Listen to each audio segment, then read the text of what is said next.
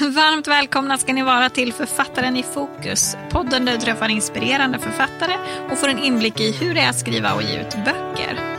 Jag som pratar heter Elin Ireborn och jag har en bakgrund inom förlagsbranschen och frilansar som bland annat redaktör och lektör. Och i dagens avsnitt har jag träffat Dennis Westerberg som bland annat jobbar som föreläsare, coach, musiker och är författare till flera böcker inom personlig utveckling. Han brinner för att hjälpa andra att bli fri från psykisk ohälsa och gör det på ibland lite okonventionella sätt. Vi pratar bland annat om dörrvakterna inom förlagsbranschen. Finns de egentligen? Och hur kan man ompaketera samma budskap mot olika målgrupper? Och hur ska man tänka för att inte låta risken för negativ feedback hindra en från att visa upp det man har skapat? Det här är Författaren i fokus.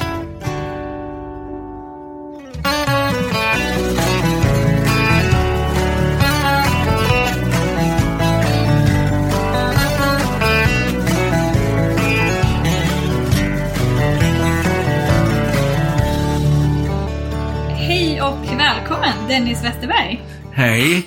Tack för att jag får vara med. Härligt för mig. Jag vet vilket jobb du lägger ner på att kunna producera den här podden. Tack för att jag får vara del av den. Ja men det ska jag tacka. Jag tycker det är så, så roligt varje gång. För jag säger, säger alltid Dennis Westerberg. Mm. Och det är ju för att jag gillar att säga mitt gamla efternamn.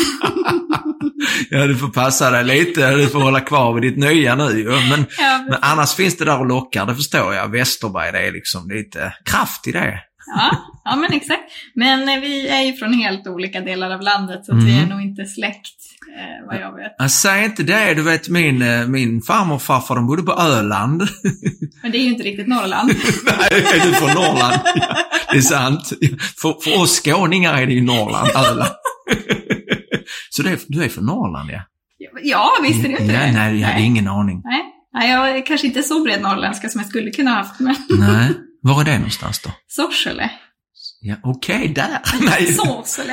Ja, precis. Jag vågar inte säga. Var, var ligger det då? Det ligger i, eh, i Västerbotten. Aha. Västerbottens inland. Ah, wow. Mitt i Lappland. Nej, men då är det nog ingen fara. Ja. Men i alla fall så har jag tagit mig ner nu till, eh, till Landskrona, Mm. där vi ses. Inte riktigt från Norrland, men från Jönköping. Eh, och, men du bor ju inte i Landskrona heller. Nej, jag bodde här fram till för ett år sedan. Mm. Jag har bott här i 16 år. Men nu bor jag och min fru i Malmö. Mm. Hur trivs ni där? Mycket bra, fantastiskt bra, underbar stad. Ja. Mm. ja, det är en fin stad, även om den är lite platt. Ja, den är platt ja. Men sen är det, jag trivs var jag än är faktiskt. Ja. Jag är inte så noga, utan jag trivs var jag än är Mm. oftast. Mm. Härligt. Eh, och vad brukar du pyssla med om dagarna i, i Malmö? Oj, oj, oj. Alltså jag, ehm, jag har ju ett väldigt fritt liv och det innebär att jag gör bara de saker jag vill. Jag är 50 år, har lyckats skapa mig ett liv där jag föreläser väldigt mycket.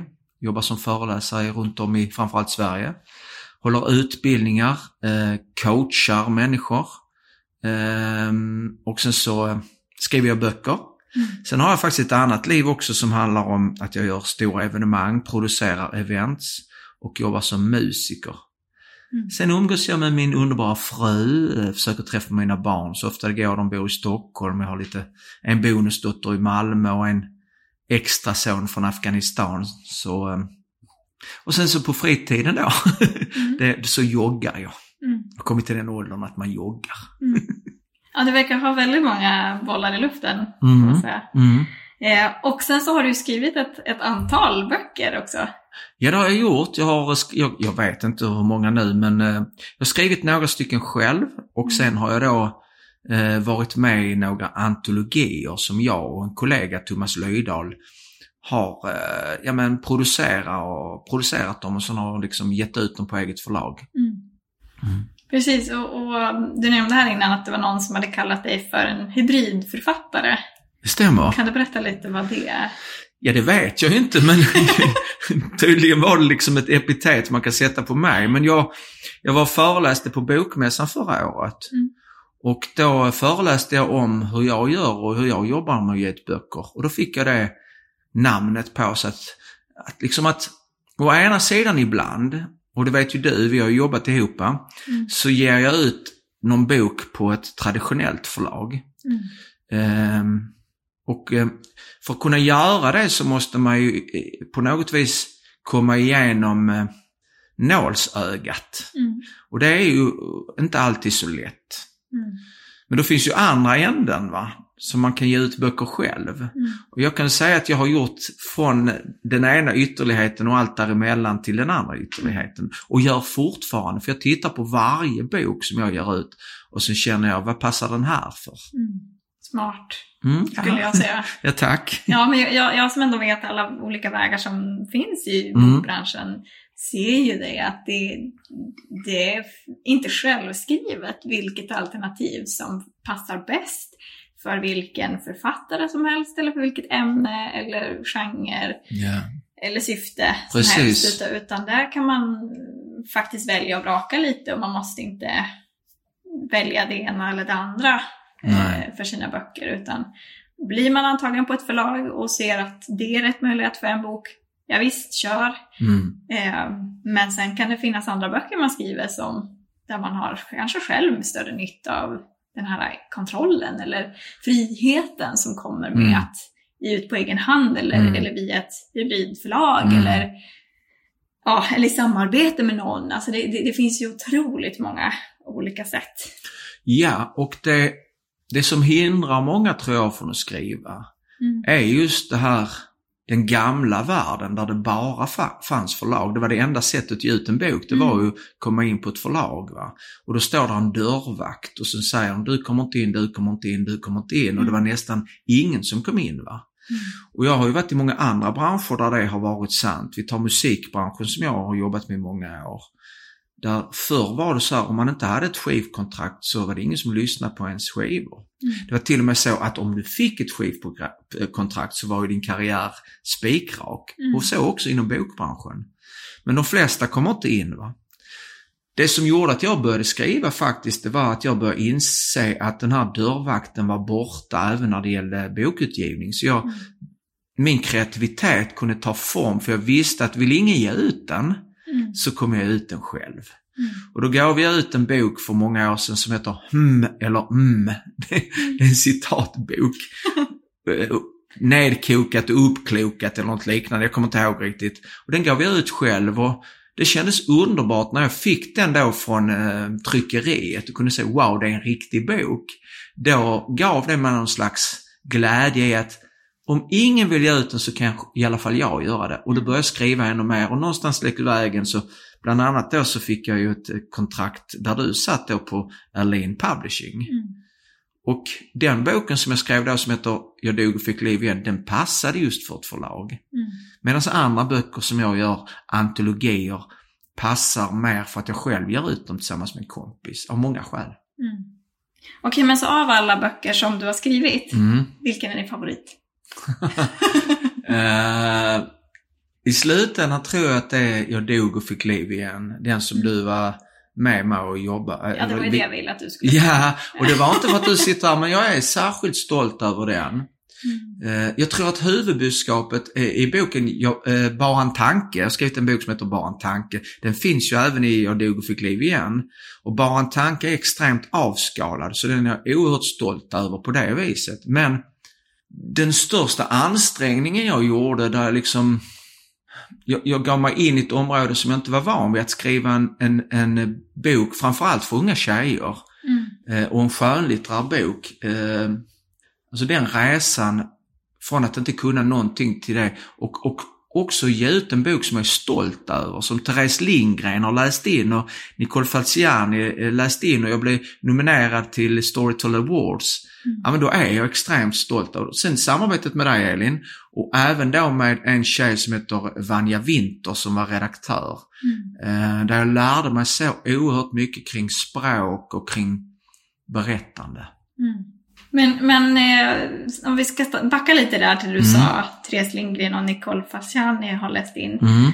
Berätta lite om det. Har du två uppläsare? Ja!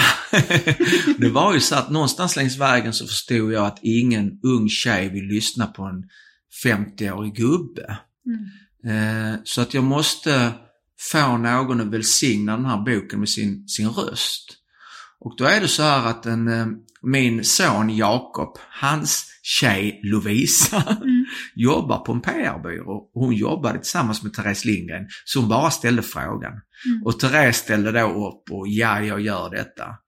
Däremot så tog det lite längre tid än vad Therese hade räknat med. Så eh, hon flaggade väl för att jag hinner nog bara med halva. och då helt plötsligt så, då bara slängde vi fram idén om att, eh, eller var det Lovisa som gjorde det, om att vi kanske ska ta en influencer till. Mm.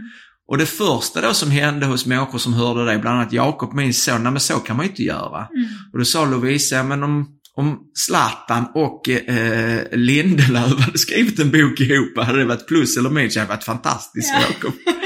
Och då blev det ju så här, så det har ju nått både liksom Therese följare och Nicoles följare. Mm. Så det blev ju superbra och det är nog första gången det har gjorts, vad jag vet i alla fall. Ja, vad jag vet också. Det, det är ju ganska, jag måste sagt, ett unikt eh, grepp. Mm. För det, det blir ju någonstans att, men, för den här boken var det kanske inte så viktigt att det var en eh, uppläsare genom hela, utan läsaren hänger ju med i alla fall. Ja. Och, och just att båda de två ville vara med och, och bidra till en sån här viktig bok. Som jag ändå Precis. vill säga att det är. Eh, och sen så blev den ju nominerad, som du sa, till Mm. Story eh, Mm. Awards, nej vad säger jag, Storytel Awards Ja. eh, för eh, ungdomskategorin. Och eh, det tyder ju också på att det var ett, ett bra drag. Eh, för just att det, blir- det blir speciellt där med två inläsare. Ja, och där tror jag också att vid val av inläsare så för att få tillit och förtroende kring en bok så ska man vara väldigt noga också att, att det hänger ihop det här med, med kallade varumärken och liknande. Där både Therese och Nicole är ju, dels är de ju tjejer själv som, som har befunnit sig eh, i, i liknande berättelse som, som den här fiktiva berättelsen. Men också att de brinner för de här frågorna. Det finns en äkthet i dem som är viktig. Jag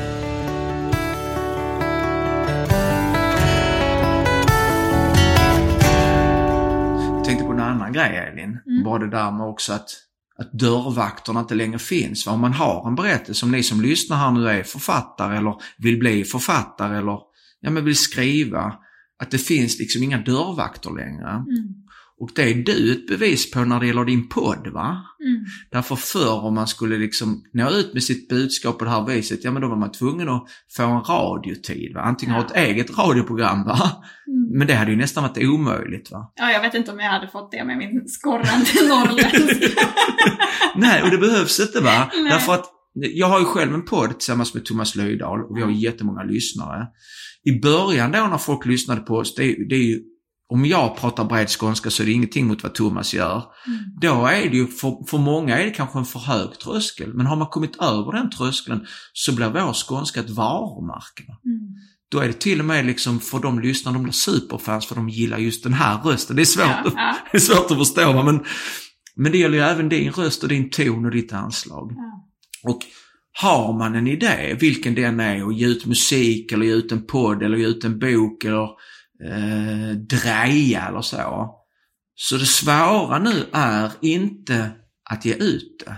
Utan det svåra i en kreativ process, som jag ser det, det är att göra någonting, det är lätt, men att sen säga till världen, titta här vad jag har gjort. Mm. För då blir folk rädda, va? för då ska man bli bedömd. Många kommer säga, det var skit, det hade jag gjort bättre själv. Några kommer säga, oh vad fin. Va? Men alltså att utsätta sig för att bli bedömd, de allra flesta människor låter bli. Och det tycker jag är sorgligt. Mm. För då är det så många berättelser som inte blir berättade eller konstverk som inte får träda fram. Mm. Och eh, det modet vill jag uppmuntra till att, och här kommer min poäng kring det. Såklart så är det lätt att säga att man ska inte bry sig om all negativ kritik, men jag har faktiskt gått så långt att jag bryr mig inte om positiv kritik heller. Därför helt plötsligt måste du hela tiden värdera din feedback. Mm. Jag tar bara feedback från de som bryr sig om mig. Mm. Till exempel Elin, som jag vet bryr sig om mig. Min fru och mina barn, de är allra närmsta. Va? Men om någon random guy från eh, Facebook som har gått livets hårda skola, som dessutom är anonym, va? tycker att min bok är skit och att jag är en skitstövel. Alltså jag, eller om han tycker den är bra. Mm. I couldn't care less. Faktiskt. Så jag, jag har lärt mig det där att bara göra saker och sen berättar jag för världen, titta vad jag har gjort. Och sen så blundar jag med öronen. Mm. Hur lär man sig det här? Det låter ju väldigt fint i, i Mm. teorin. Jag tror att många kan skriva under på att man, man önskar att man tänkte så. Finns det något sätt att öva sig på det? Nej, det finns det inte. Utan det handlar om i ytterst, det handlar, alla mina böcker har samma budskap, Mm. men det handlar om ytterst att avslöja berättarrösten i ens inre. The narrator of life, inte the narrator of the book eller filmen, utan berättarrösten i ens inre. Att avslöja att den är den falskaste av vänner. Den är falsk av två skäl, den här berättarrösten. Den som, du vet, vi pratar med oss själva. Ja. Och man får för sig att vi är två. Jag, ibland säger jag något kul till mig själv och så skrattar vi båda. men, men att förstå att det är den falskaste av vänner av två skäl. Ett, ingenting alls av det den säger är sant. Ingenting. Inte det fina och inte det fula. Men andra skälet är viktigare. Att inse på djupet att det är den falskaste av vänner, den här berättarrösten, eftersom den just inte finns. Mm. Den bara verkar finnas. Va? Det är en illusion. Hur tänker du nu? Allt det vi pratar med oss själva, va? det är ju ingen röst. Va? Den bara verkar vara en röst. Mm. Så när vi avslöjar en tanke, för det är en tanke, när man avslöjar en tanke som just bara en tanke, inget annat än en tanke, då kan man låta tankarna vara. Och det som är kvar när tankar skingras, tankar kring att man är bra eller tankar kring att man är dålig spelar ingen roll, utan det faktum att man tänker och att det bara är en tanke. Ju mer man fattar det så skingras tankarna och det som är kvar är det här modet. Det här drivet, den här kreativiteten, men också kärlek och sinnesfrid och det är den sinnesfriden som jag går. Och det är klart att jag får tankar kring att folk kommer inte tycka om detta eller vad det är, men jag tror inte på vad jag tänker. Jag tror inte på någonting av det jag tänker, för det är bara tankar. Mm. Ja, det är djupt och du lyckas ju få in det här på olika sätt i, i dina böcker. Mm. Och, och som riktar sig då till lite olika typer av personer, lite Mm. olika platser i livet. Eh, och, och jag kan säga att min, eh, eller jag, har- jag har två favoriter Mm. av dina böcker. Mm. Och, och den ena är som, som du sa där, Jag dog och fick liv igen. Mm. Den har jag läst massvis med gånger. Ja, precis, precis. Tack för det. Under utgivningsprocessen. Ja. Ehm, men men den, den är ju, ja, men som du säger, en, en skönlitterär berättelse som har de här um, tankarna om tankar. Mm, som precis. du berättar om här. In, inklätt i en historia som, Ja. som gör att det går rakt in och det är perfekt för, för personer som, som, som verkligen vill förstå och Mm. hur man kan eh, tillämpa de här eh, Mm. principerna som du kallar det i sitt eget liv. Mm. Eh, Just för att huvudkaraktären gör det och Mm. man associerar sig med, med henne. Mm. Och, och den boken är ju särskilt bra då också att sätta i händerna på en tonåring. Så där Mm. du verkligen försökt att rikta dig till en yngre målgrupp. Mm. Eh, som ska liksom tycka den är attraktiv och, och här- härlig som, som För- bok men får något För den är väldigt hoppfull. Det är det Mm. som jag är särskilt glad över. Att den har en hopplös historia Mm. som sen har ett hoppfullt slut. Men det är inte bara så att det är en historia utan det finns också svaret på varifrån hoppet kommer. Mm. Det vill säga att det är inte bara då karaktärerna som återfinner välmåendet utan även läsaren återfinner välmåendet. Därför att den pekar på att välmående är medfött, det finns i livskraften som lever i allt levande. Vi är denna, detta välmående. Men det enda som står i vägen för välmåendet är de tankar som tar form i sinnet. Men det är bara tankar. Och ju mer vi ser av det så sjunker det undan. Och min bok, den där, den, den hjälper till till det där att få det att sjunka undan av sig själv. Ja, det är jättehäftigt och det är flera personer som har återkommit med respons. Mm. Du har några Mm. på din hemsida. Mm. Eh, och, och där alla vittnar om det här att men jag, efter bara en timme att ha läst Mm. så kände jag mig lyckligare. Mm. Eh, och, och den känslan är inte alltid man får när man läser böcker, även om det kan ge en goda saker, Absolut. positiva känslor, så, så blir det någonting väldigt konkret som man också kan bära med sig. Jag vet Ja. att jag har burit med mig de här tankarna i, sen jag läste det och, Mm. och, och tycker att det har ja, stärkt mig i, i mitt liv och just när, när de här tankarna om, om en oro eller Mm. ångest eller vad det kan vara. Eh, att bara förstå att vänta nu, det här är bara mina tankar. ångesten är egentligen inte verklig. Och detta är ju humor. Jag har ju gett ut en bok som heter Bara en tanke, där själva svaret står i titeln. Ja. Men vissa, jag träffade en tjej idag, jag var och föreläste i Halmstad. Hon sa, jag läste boken tre gånger. Hon fattade inte rubriken va. Och det, men det där är ju, vi är ju, vi är så fast i vårt eget tänkande. Så det är väldigt svårt för människor att förstå att ja, men egentligen finns ingen framtid utan det är bara Nej. tankar. Egentligen finns inget förflutet för det är bara tankar utan det enda som existerar är det pågående ögonblicket, nuet. Va? Och resten är en dröm, men drömmar inte på riktigt och när man inser det så det enda som är kvar är nuet. Vi, lever i nuet hela tiden Mm. och i välmående sinnesfrid. Mm. Kan du inte dra det exemplet om, om julafton? Eh, vilket var nu det? Ja men alltså, att, äh, ja, alltså om, om vi lägger märke till nu Mm. så, så, så brukar jag säga att den enda stund som finns är nu, det betyder att framtiden inte finns. Men låt oss kolla efter ihop. Mm. Nästa julafton Elin, kan du uppleva det nu? Mm. Kan du det? Ja, Nej, jag frågar om frågan till de trögfattade. Elin, nästa julafton, är det nästa julafton nu? Nej, Nej, bra. Kanske skulle haft tomteskägg här idag. jag kanske behöver läsa mina Ja, Nästa påsk, kan du uppleva det nu? Nej, Nästa månads möte? Nej, Nästa veckas möte? nej. Ingenting av framtiden existerar. Det enda sättet att komma åt framtiden, det är just om vi tänker på det. Men då gäller det att veta om att det är inte framtiden man kommer åt när man tänker på det. Det är när man kommer åt sitt eget tänkande. Och det enda det är en tanke, inget annat än en tanke, Mm. ingenting. Mm. Och det är stort för många. Men det allra största, och det tar jag upp i mina böcker, det är att detsamma gäller det förflutna. Mm. Det bästa med historien är att den är över, att den inte händer nu. Och det enda, om vi tar förra julafton. Ja. Är det förra julafton nu? Nej, Så du kan inte uppleva förra julafton nu? nej, men jag kan minnas den. Precis. Och minnet är ju det som är det luriga va. Mm. Förra påsken är, är, är, kan du inte uppleva nu. Det är inte Nej. förra påsken nu. Förra månadens möte, förra veck- Så ingenting av det förflutna finns heller, utan det enda sättet att på något vis uppleva det förflutna, det är ju att tänka på det. Mm. Men, och det är ett stort men, det är inte det förflutna vi upplever när vi tänker på det. Vi upplever vårt eget tänkande nu. Mm. Så om vi låter alla tankar för en stund kring det förflutna vara och kring framtiden, vad finns kvar? Jag vet. Mm. Lämna nu.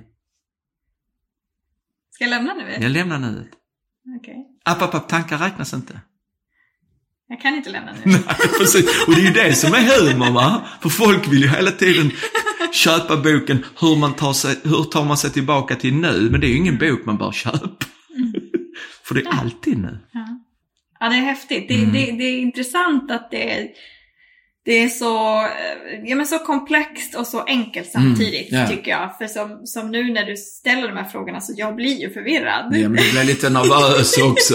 Ska jag säga rätt Ja, precis. Jag vill hitta rätt svar. Jag är i skolan. Det finns ett Ja, svar, det kallas facit. Längst bak i boken.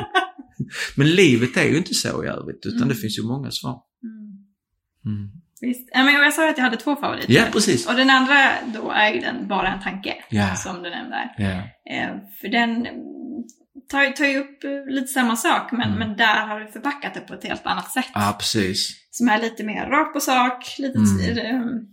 eh, eh, tydligare eller effektivare, kanske man ska kalla det. Den är en direkt guidning till välmående och jag har liksom Mm. tusentals människor som har läst den eller lyssnat på ljudbok. Och jag får mail varje dag kring den boken. Och då kunde jag låta den boken bara få vara den boken, men jag upptäckte att ingen vill läsa en bok av en gammal farbror om man är typ under 40. Va? Mm. Och jag ville verkligen nå de här unga tjejerna som jag har coachat, massor med unga tjejer som skär sig och mår dåligt. Jag vill nå dem direkt utan att gå omväg via psykologer och liknande. För, för många psykologer ordinerar min bok Var en tanke. Är det så? Ja, Ja. det gör så och det är jag jättetacksam för. De säger, men läs den här, säger de. Men att kunna nå dem på ett annat sätt var ju att om jag berättar en berättelse så möter de i sin berättelse om ätstörningar och mobbing, om att, liksom att kroppen förändras, som Facebook eller liksom att ja, men, man inte får vara med i sammanhang, kanske bara har en jobbig familj, så som alla känner igen sig och att i- för vissa blir det ju ångest och depression och panikattacker. Och det, det där la jag ju i en berättelse på ytan. Dels min egen berättelse av ångest och panikattacker och depressioner i många, många år. och en del fiktion, men också många unga tjejer som jag träffat deras berättelser, så blandar jag och gav där. Så på ytan kan jag möta då de unga tjejerna som känner igen sig, men jag nöjde mig inte med det utan nu tog jag det här bara en tankebudskapet och liksom lät det blev guidningen då till välmående. Mm. Så bara en tanke är mer direkt, men den är kanske inte så lockande för, för yngre tjejer. Precis. Finns det ytterligare yngre eh, som du skulle vilja nå? Mm. Jag har faktiskt skrivit, eh, jag har skrivit en barnbok. Har du det? ja. Eh, den ligger i datorn. Eh, och det är en barnbok som är tänkt egentligen att läsas av föräldrar för sina barn. Och den har egentligen två vägar där. Det ena är för att påminna barn om att det de tänker är inte lika verkligt som det verkar vara bara för att de tänker det. Det är bara en tanke. Det är den ena vägen. Det andra vägen är att föräldrarna själv inser det när de läser för sina barn. Ja. För att helt plötsligt så är det inte för dem och då är budskapet mycket mer lättillgängligt. Mm. De försöker lära sina barn någonting men som de själva inte har förstått. Men får den insikten när de läser boken. Det är min idé. Och boken är skriven så jag tänkte så här Elin, kanske längs vägen så kanske vi kan kolla på möjlighet att du kan vara både lektör och redaktör till den boken. Det hade ju varit jättekul. Ja, Verkligen. ja. Ja, nej, men jag, tror att det här budskapet, det, det behöver komma ut till fler. Mm. Och som du säger, varför inte liksom gå ännu längre ner i åldrarna Ja, för att kunna... Ja, till syvende och sist så handlar det om att hjälpa folk att må bättre. ja. Och där är det så att de som är i typ 25-årsåldern och uppåt, jag har en Mm. väldigt stor skara av lyssnare på en podcast som jag och Thomas har, Thomas och Dennis podcast. Vi har också Eh, gett ut olika antologier där andra människor skriver om hur de här insikterna har förändrat deras liv. Eh, vi har, jag tror vi har tre böcker ute nu och de finns som ljudböcker. Men vi har också faktiskt, det här kommer jag på nu, vi har gett ut ljudböcker som inte har varit en vanlig bok från början. Inte tryckt. Mm, tryckt, nej, utan de har kommit till så här att jag och Thomas satte en rubrik. Det finns en bok som heter Mental träning försämrar prestationen. Oh. Ja. Vi, vi kom, Lite provokativt. ja, men verkligen och vi fick mycket stryk för den. Men då kom vi på titeln, skrev vi den på en whiteboard och så skrev vi vad skulle vi vilja prata om och så skrev vi som kapitelrubriker. Mm. Sen hade vi som en sån här podcast där vi pratade under varje rubrik Okej. och så gav vi ut den då på Storytel och ja, Nextory och de där. Så de finns där också. Så, och de är inte ens en bok, va? men Mm. de är en ljudbok. Mm. Eh, Återigen tillbaka till det här, vilket format passar, precis. passar det för? Ja. Så att jag, har gjort, jag har många sådana grejer för mig. Men, men det jag skulle säga är att den, den här åldern som jag själv är och du är, de, de har jag faktiskt lätt att nå. Men, Mm. men de här unga tjejerna, också nu eh, barnen. Och, och barnen vet egentligen om detta, att tankar bara är tankar. Därför att barn bryr sig inte om vad de tänker, de är bara i upplevelser. Nu är jag, jag hatar dig pappa, jag hatar dig pappa. Har mamma gjort pizza? Så de går från den ena upplevelsen till den andra och de sitter inte och funderar, varför känner jag sån hat till min pappa? Mm. Och det måste ha med potträning att göra. Har jag fel gener? Har jag fel nerver? Är det min bakgrund eller är det min omgivning? Nej, utan de bara är i upplevelsen. Ja. Men den boken, den här barnboken då, den är till för att påminna dem att aldrig glömma bort det. Så de har det med sig genom livet. Härligt. Mm. Visst har du något exempel också på om spöken? Spöken under sängen? eller? Ja, nej, men jag har, jag har liksom en liten metafor. Jag tror den finns, jag gissar att den finns i Jag dog fick liv Jag igen. tror det. Ja, jag har glömt bort eftersom du säger nu. Men det är lite så här den här oskyldigt, oskyldigt, oskyldigt korkade pappan. Mm. Vi, vi är oskyldiga, vi, vi är korkade men vi gör så gott vi kan. Mm. Som, som kommer in till sitt barn, barnet skriker pappa, pappa, pappa, eh, jag, har, jag har monster eh, i garderoben. Så är det. Mm. Just det, monster var det, inte spöken. Och, och den oskyldigt korkade pappan kommer in och, och kollar i garderoben och säger nej, här är inga monster, kolla själv. Och sen går pappan och det lilla barnet tänker, nej nu, nej. Så bara, pappan har oskyldigt lärt barnet att se upp för monster. Va? Nu var det inget, men kanske framöver. En annan oskyldigt korkad pappa kommer in och säger, men har du monster i garderoben? Låt oss titta efter. Ja men här är jättemånga monster. Nu ska pappa döda dem för han är en bra monsterjägare. Så han liksom dödar alla monster va. Och, och, och, och säger till det lilla barnet, då kommer det fler så kalla på pappa. Och då har liksom pappan oskyldigt lärt det här barnet att monster måste hanteras. Va? Måste ha en teknik och en metod. Va? Pappa ska lära dig den. Men så här borde pappa gjort istället. Mm. Jaha min son, du har monster i garderoben. Låt oss kolla efter. Ja men här är en miljard monster. Nu ska pappa ta dessa monster och lägga i din säng så ska de sova här i natt tillsammans med dig. Och inte bara i natt utan alla nätter framöver. Sov gott. och det, det låter ju hemskt men Ja, det låter riktigt hemskt. Ja, men när det lilla barnet verkligen förstår monsters natur, ursprung, det vill säga att definitionen på monster är att vara ingenting, Mm. så spelar det inte någon roll om det är en miljon eller tio miljoner monster, eller hur de ser ut, vilken färg de har för monster, är just bara monster, ingenting. Och det påminner lite om när Don Quijote, det vill säga att Don Quijote han trodde att han slogs mot jättar. Mm. Men om Don Quijote hade på djupet insett jättarnas natur, liksom att de var väderkvarnar, så hade han ju lagt ner sin lans direkt. Ja. Men någon fortsätter hävda, ja men han var ju ändå en bra krigare. Nej, man värdelös krigare. Han slogs mot något som inte var monster. Precis som då, nu, nu kommer någon att slå mig nu, men som mentala tränare, de slåss mot tankar. Mm. Men om man går till tankens sanna natur och upptäcker att den är ingenting, trots att den verkar vara någonting, då ska man ju inte slåss mot den, därför då antyder man just att den är någonting Mm. och gör dessa monster verkliga. Men det är de inte. Mm. Men, men det var ju insikter kring det här som förändrade mitt liv då från 11 år sedan. Då. Så det är inget jag har hittat på utan bara insåg att en tanke är en tanke. Mm.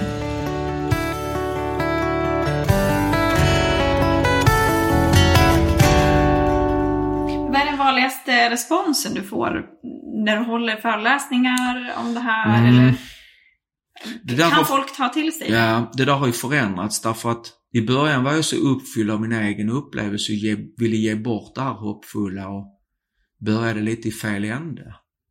Nu är jag ju föreläsare och väldigt van föreläsare så jag får aldrig någon kritik i princip.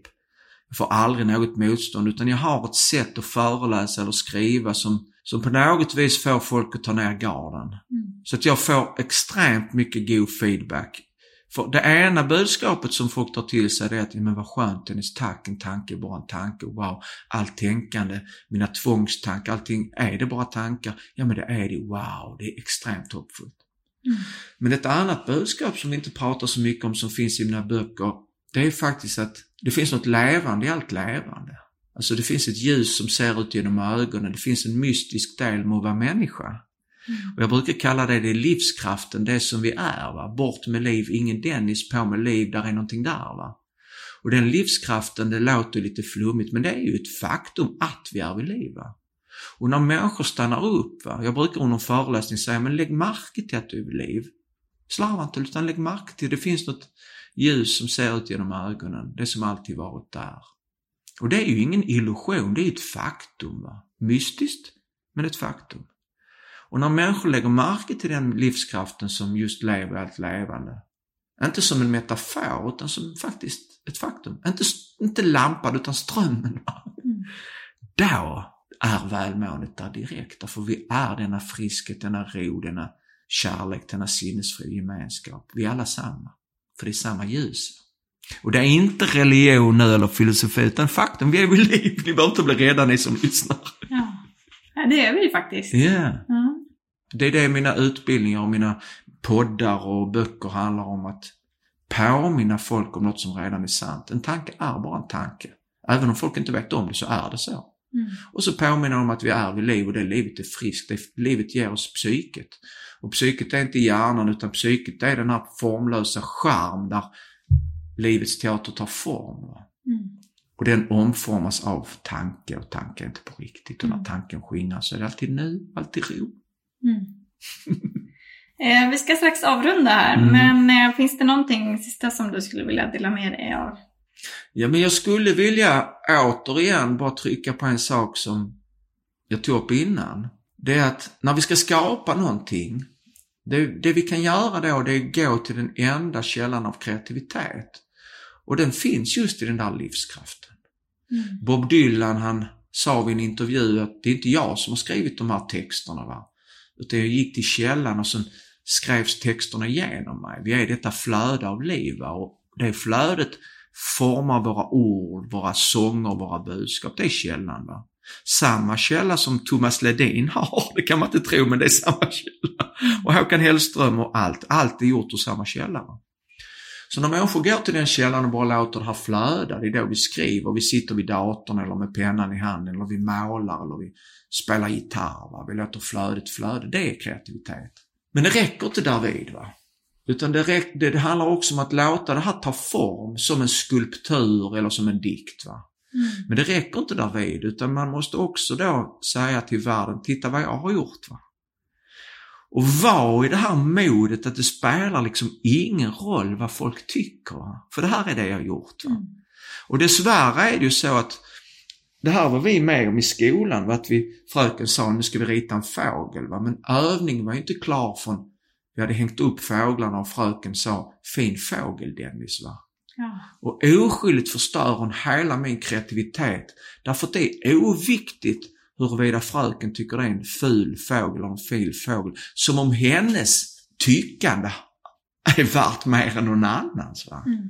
Alltså jag gillar Margarita, någon annan gillar Vesuvio. Va? Mm. Smaken sitter ju inte i pizzan. Så modet att våga, ni som lyssnar här om ni har någon, någonting ni vill kreera, gör det. Men också kunna liksom dansa med berättarrösten i sinnet. Den kommer att tala om, gör det inte, gör det inte. Och när någon kritiserar, säger tio fina saker och säger ja fast eh, huvudkaraktären eh, var lite tunnhårig, för, för tunnhårig för min smak. Va? Mm. Så hör man bara, oh nej jag hade fel hårfärg och allt, nej det var något fel. Och så blir man rädd. Men var inte rädd, bara utan låt det flöda och så blir det som det blir och sen ge fan i vad folk tycker. Mm. Jag håller helt med. Mm. Mm. vad skönt. Ja. But I don't give a shit. Exakt. Ja. men då stannar vi där. Tack så jättemycket Nej, Dennis för tack. att du ville vara med i podden. Tack snälla. Det är många värdefulla insikter som jag i alla fall har fått här. Jag hoppas att lyssnarna känner detsamma. Tack. Och om man vill följa dig så har du en eh, hemsida yeah. som väl är hubben gissar jag. Denniswesterberg.com Enkelt att komma ihåg. Yeah. Mm. Där kan man hitta dina böcker och yeah. dina föreläsningar och ja, precis. Eh, poddavsnitt och yeah, allt möjligt. Mm. Strålande! Då får vi se vad det blir för nästa bok sen då. Ja, absolut. Vi får se. Det lär ju komma no några ja, till i alla det fall. Finns några. Det finns några i, pip i pipen.